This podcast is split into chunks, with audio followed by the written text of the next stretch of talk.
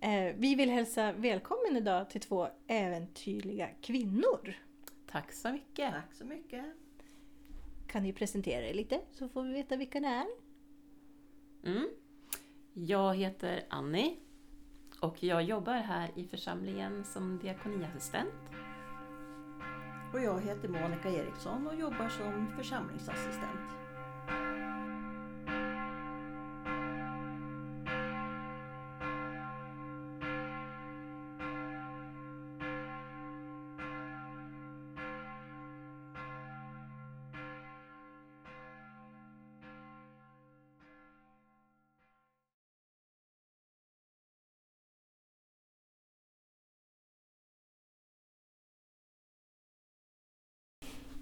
Ja men visst. Då ska vi hälsa er välkomna så jättemycket att ni ville vara med och dela med er av resan. Tack, Tack. så mycket. Jag måste fråga, hur kom det sig att ni åkte på den här resan? Jo, eh, det här är ju ett tag sedan. Det är ungefär ett och ett halvt år sedan vi gjorde resan. Och, ehm, själva frågan fick vi nog kanske ett halvår innan det också. Och det är för att jag har jobbat med internationella frågor, ACT, Svenska kyrkan och satt i det dåvarande rådet för ACT. Och fick en fråga skulle du vilja åka med till Jerusalem? Och alltså det är en sån här once in a lifetime. I, riktigt. Och då skulle jag försöka få några själar med mig också. Det som behövdes det var en till som var intresserad av internationella frågor, som var äldre. Och en till som var lite yngre. Så det var ju inte bara du och jag Monica, utan det var ju Frida också som var med. Mm.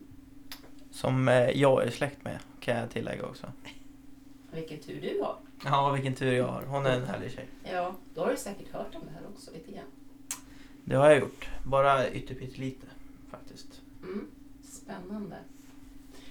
Eh, Och själva resans syfte, det handlar ju jättemycket om att vi skulle försöka förstå situationen mellan Israel och Palestina. Hur komplext, eller komplex situationen ser ut för dem. Det är ju, Jerusalem är ju också en, vad ska jag säga, en samlingsstad med trosinriktningar åt många håll. Du har ju judar, kristna, muslimer. Och det känns nästan som det finns allt där. Ja, det har du rätt i. Det är, det är en stor stad med människor. Men så jättestor kanske staden inte är. Men den är vad säger man, enormt mycket människor i. Ja, Inte kanske alltid, men alla högtider de har. Då är det fullt. Riktigt fullt med folk. ja. Det är en levande plats, skulle jag vilja säga också. Eh, Vi var ju inte runt så att vi åkte över hela Israel eller ut på Gaza på det sättet. Men vi hade begränsat antal dagar. Nu kommer inte jag ihåg i huvudet hur många dagar det var. Men Det var vecka. ja, sju dagar. Vi var borta åtta dagar. Ja. Och det här var ju en resa som anordnades utav Härnösands stift. Deras internationella eh, sida. Så vi är jättetacksamma både till Härnösands stift men också till vår egen församling för att vi fick möjlighet att vara med. Mm.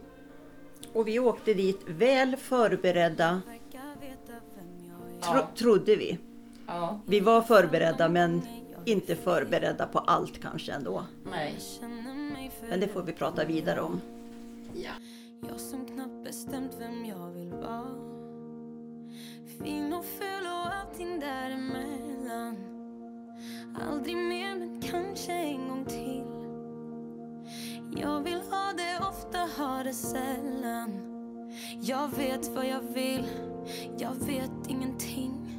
Känns som jag är gjord utav sand. Jag bygger högt och rasar ibland. Hitta mig någon helt annanstans. Där jag kan börja om starkare imorgon. Känns som jag är gjord utav sand Jag bygger mina murar för hand. River dem och testar mig fram. Så jag kan börja om. Större nästa gång. Just när jag tror jag har hittat hem. Ska jag packa väskorna igen? Jag vill inte ha någonting för lätt.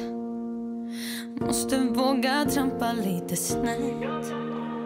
Stark och svag och allting däremellan. Aldrig mer men kanske en gång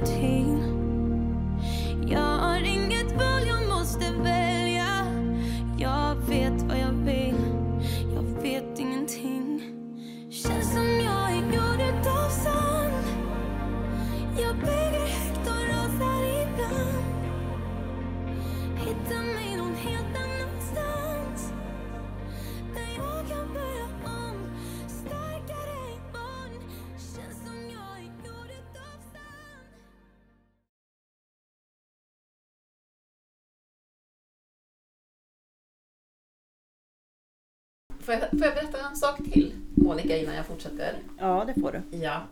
Jo. Jag har en historia bakom mig av att vara väldigt flygrädd. Och det var jag faktiskt den här gången med. Ja, hur gick det? det? Det hade jag koll på egentligen. Du hade det? Att du var väldigt eh, flygrädd. Ja.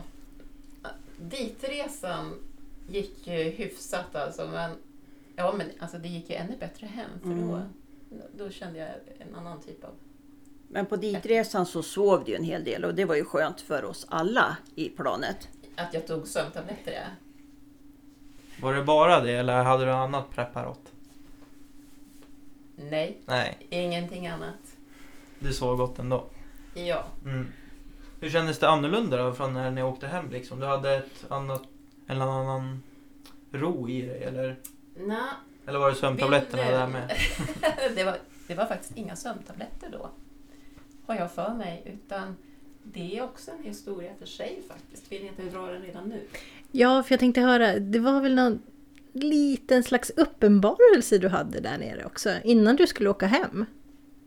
Ja, jag vet inte riktigt vad man ska kalla det.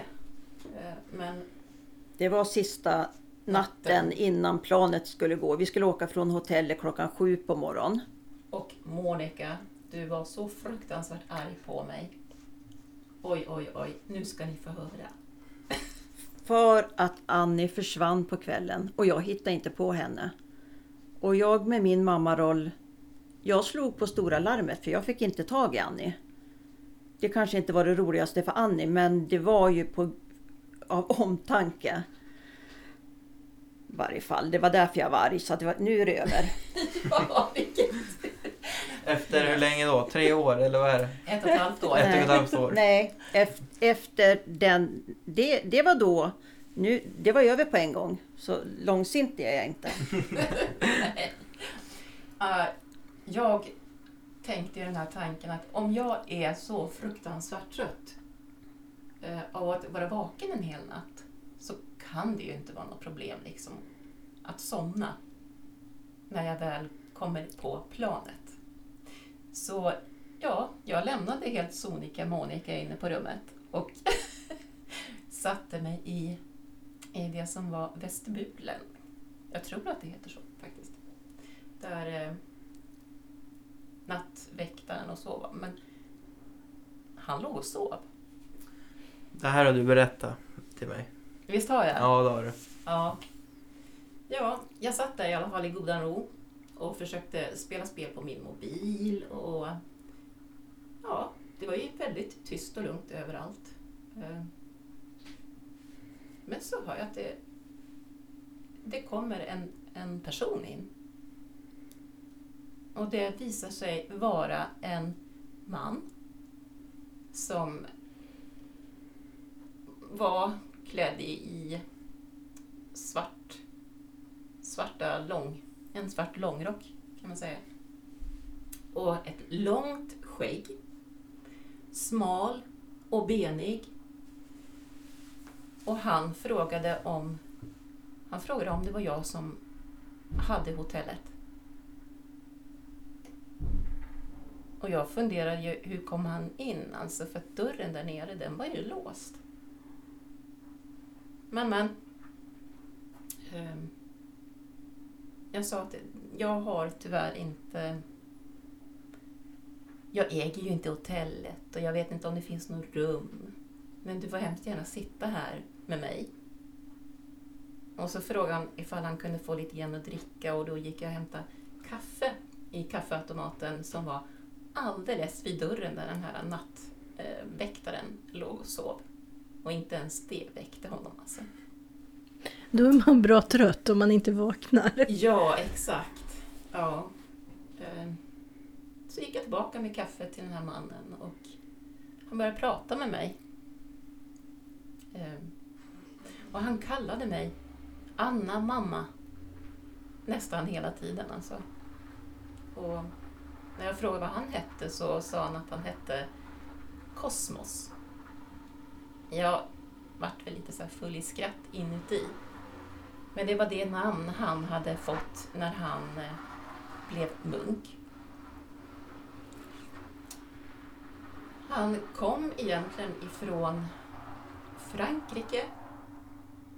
Han hade haft ett vanligt liv, eller vanligt liv.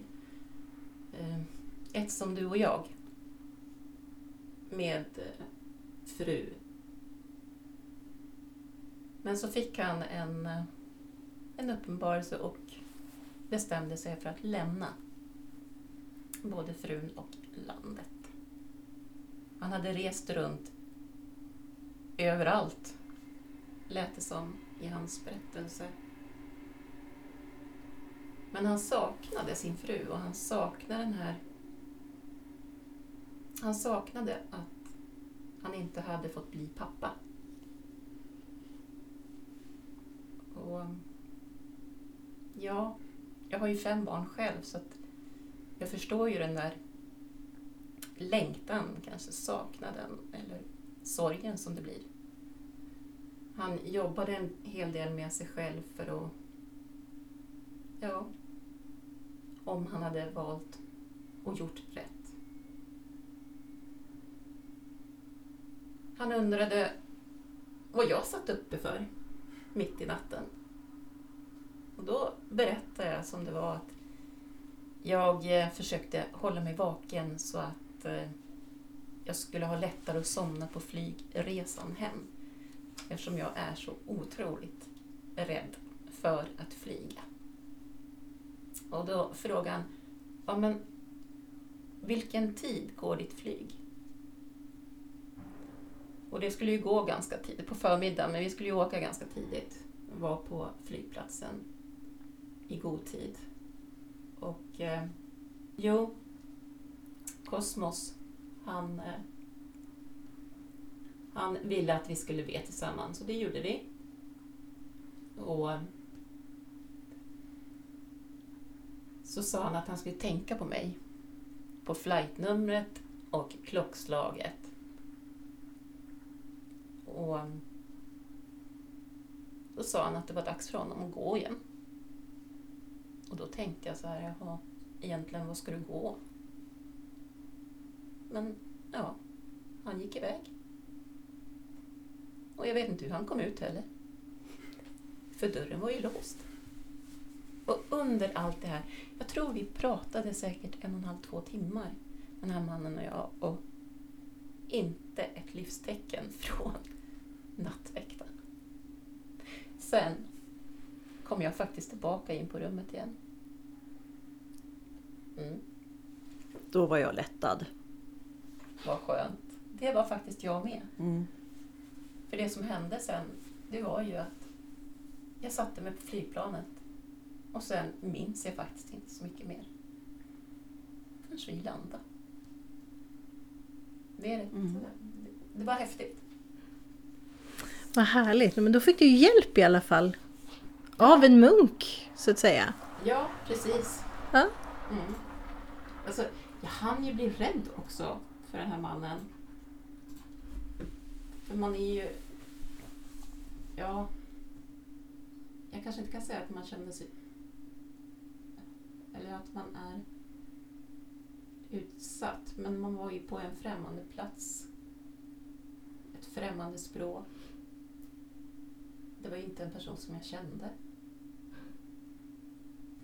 Men det var... Jag bär med mig det i hjärtat. Mm. Och tänker ofta på honom. Och på hans val i livet. Mm. Mm. Mm. Vad spännande. Det, det där lät skönt faktiskt. Det är kanske den som är flygrädd behöver. Få sitta och prata med någon i lugn och ro och få det där lugnet i sig. Mm. Mm. Det var det bästa för dig Annie. Mm. Det kanske det var. Ja.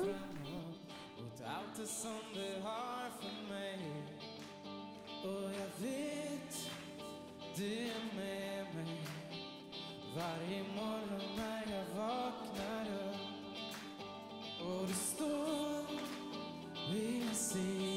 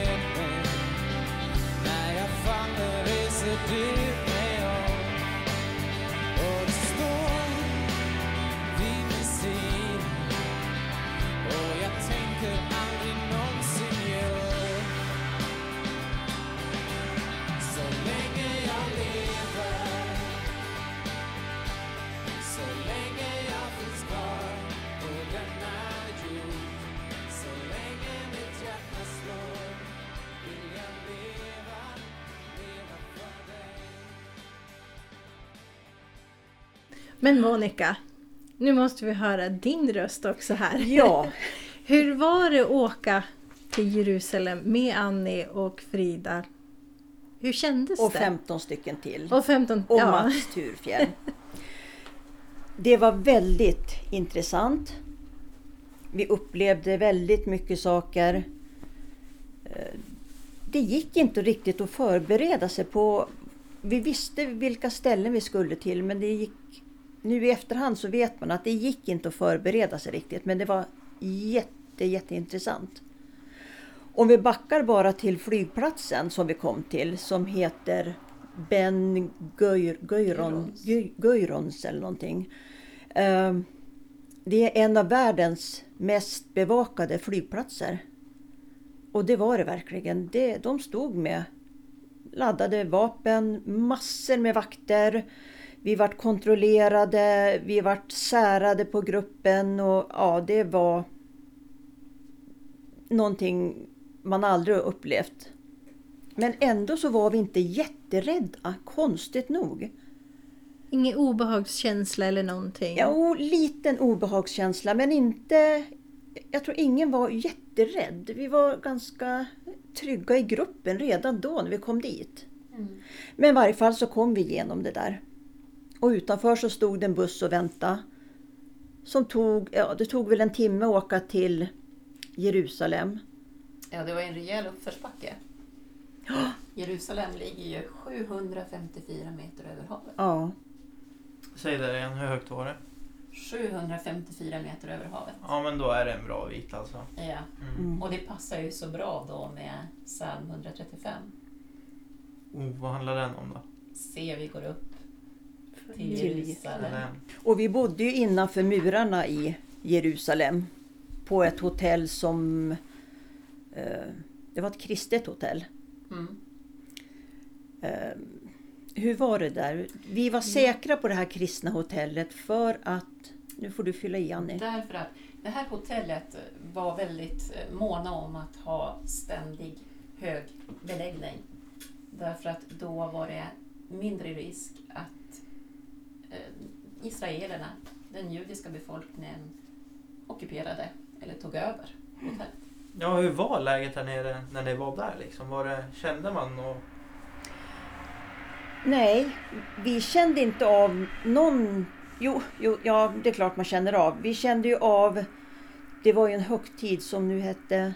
Lövhyddefesten. Lövhyddefesten. Ja. Det var jättemycket folk på gatorna. Det var militärer med laddade vapen som stod överallt. Man var alltid iakttagen. När vi åkte ute utanför Jerusalem så kom vi till checkpoints där det gick på militärer med laddade vapen och gick igenom och tittade på oss alla i bussen, i en liten turistbuss. Och de gick och tittade alla i ögonen. Men det, det var överhuvud, eh, överlag så var det ju lugnt just då. Men fick ni instruktioner av någon hur ni skulle bete er och sådär? Att ni skulle titta dem i ögonen eller att ni inte skulle titta i ögonen eller skulle ni ha sjalar på er eller sådär? Inga sjalar eller någonting sånt när vi åkte buss eller dölja hår eller någonting. Det var ingenting sånt. Och ja, vi skulle bara vara lugna. Vi, vi, var, ju, vi var ju inga terrorister. Vi var ju inte några banditer på något vis. Så vi skulle vara bara oss själva. Och varje checkpoint vi kom till gick det bra. Vi fick lite restriktioner. Eh, Vi skulle ju eh, gärna ha eh, nu ska vi se, Ja, långa kjolar eller klänningar eller Ja, just så ja. och även sjalar när vi var ute. mm, Och speciellt vid vissa besöksplatser som Klagomuren. ja nu, nu tänkte jag just på bussen. Men Ja. ja. vid Klagomuren så var det ju väldigt Mm. strikt. Mm. Och det skötte ni er med? Ja, Mm. Självklart. Inte alla gjorde det, inte alla besökare. Så de var, många, var- våran grupp skötte sig men inte alla andra. Men vad händer då om man råkar... Man kan ju faktiskt råka glömma för man inte är van också. Vad, vad, vad skulle ha hänt? De kommer säkert att peta på det och säger till. Ganska bryskt. De är tuffa. De, de är jättetuffa. Men tio minuter vila, sen var vi igång igen. När vi hade, När vi hade landat på hotellet, ja. Ja. Då gick vi iväg till uppenbar, upp- uppståndelsekyrkan heter det, eller gravkyrkan.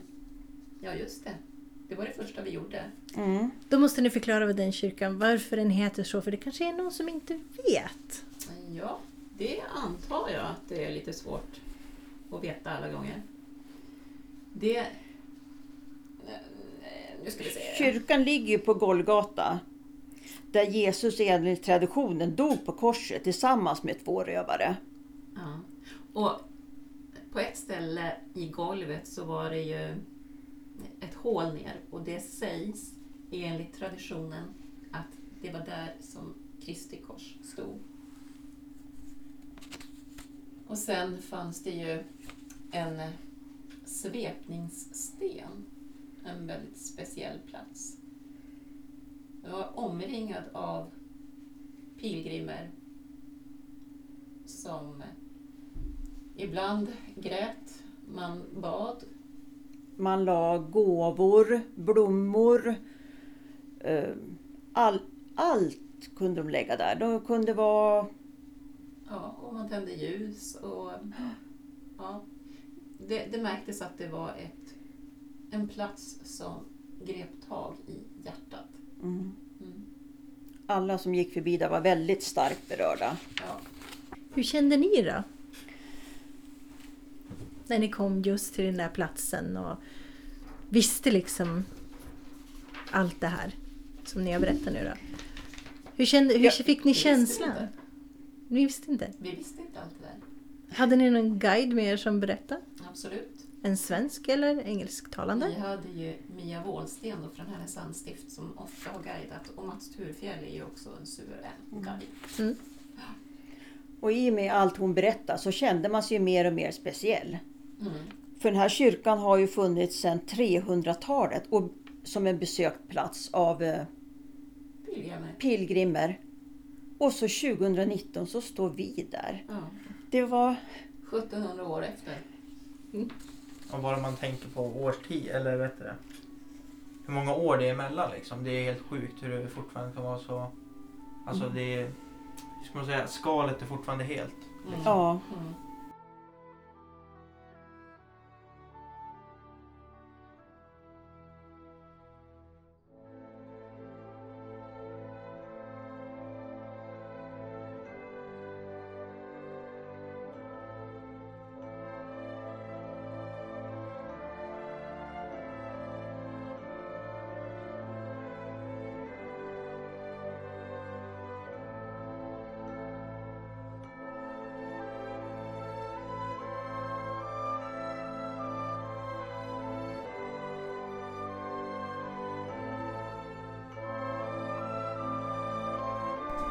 Hörru du Martin, det här var spännande. Den här podden får vi nog dela upp på två gånger tycker jag. Så att man kan följa eh, på uppföljningen nästa gång. Det blir bra det. Vi syns nästa gång. Hej. Ha det så bra!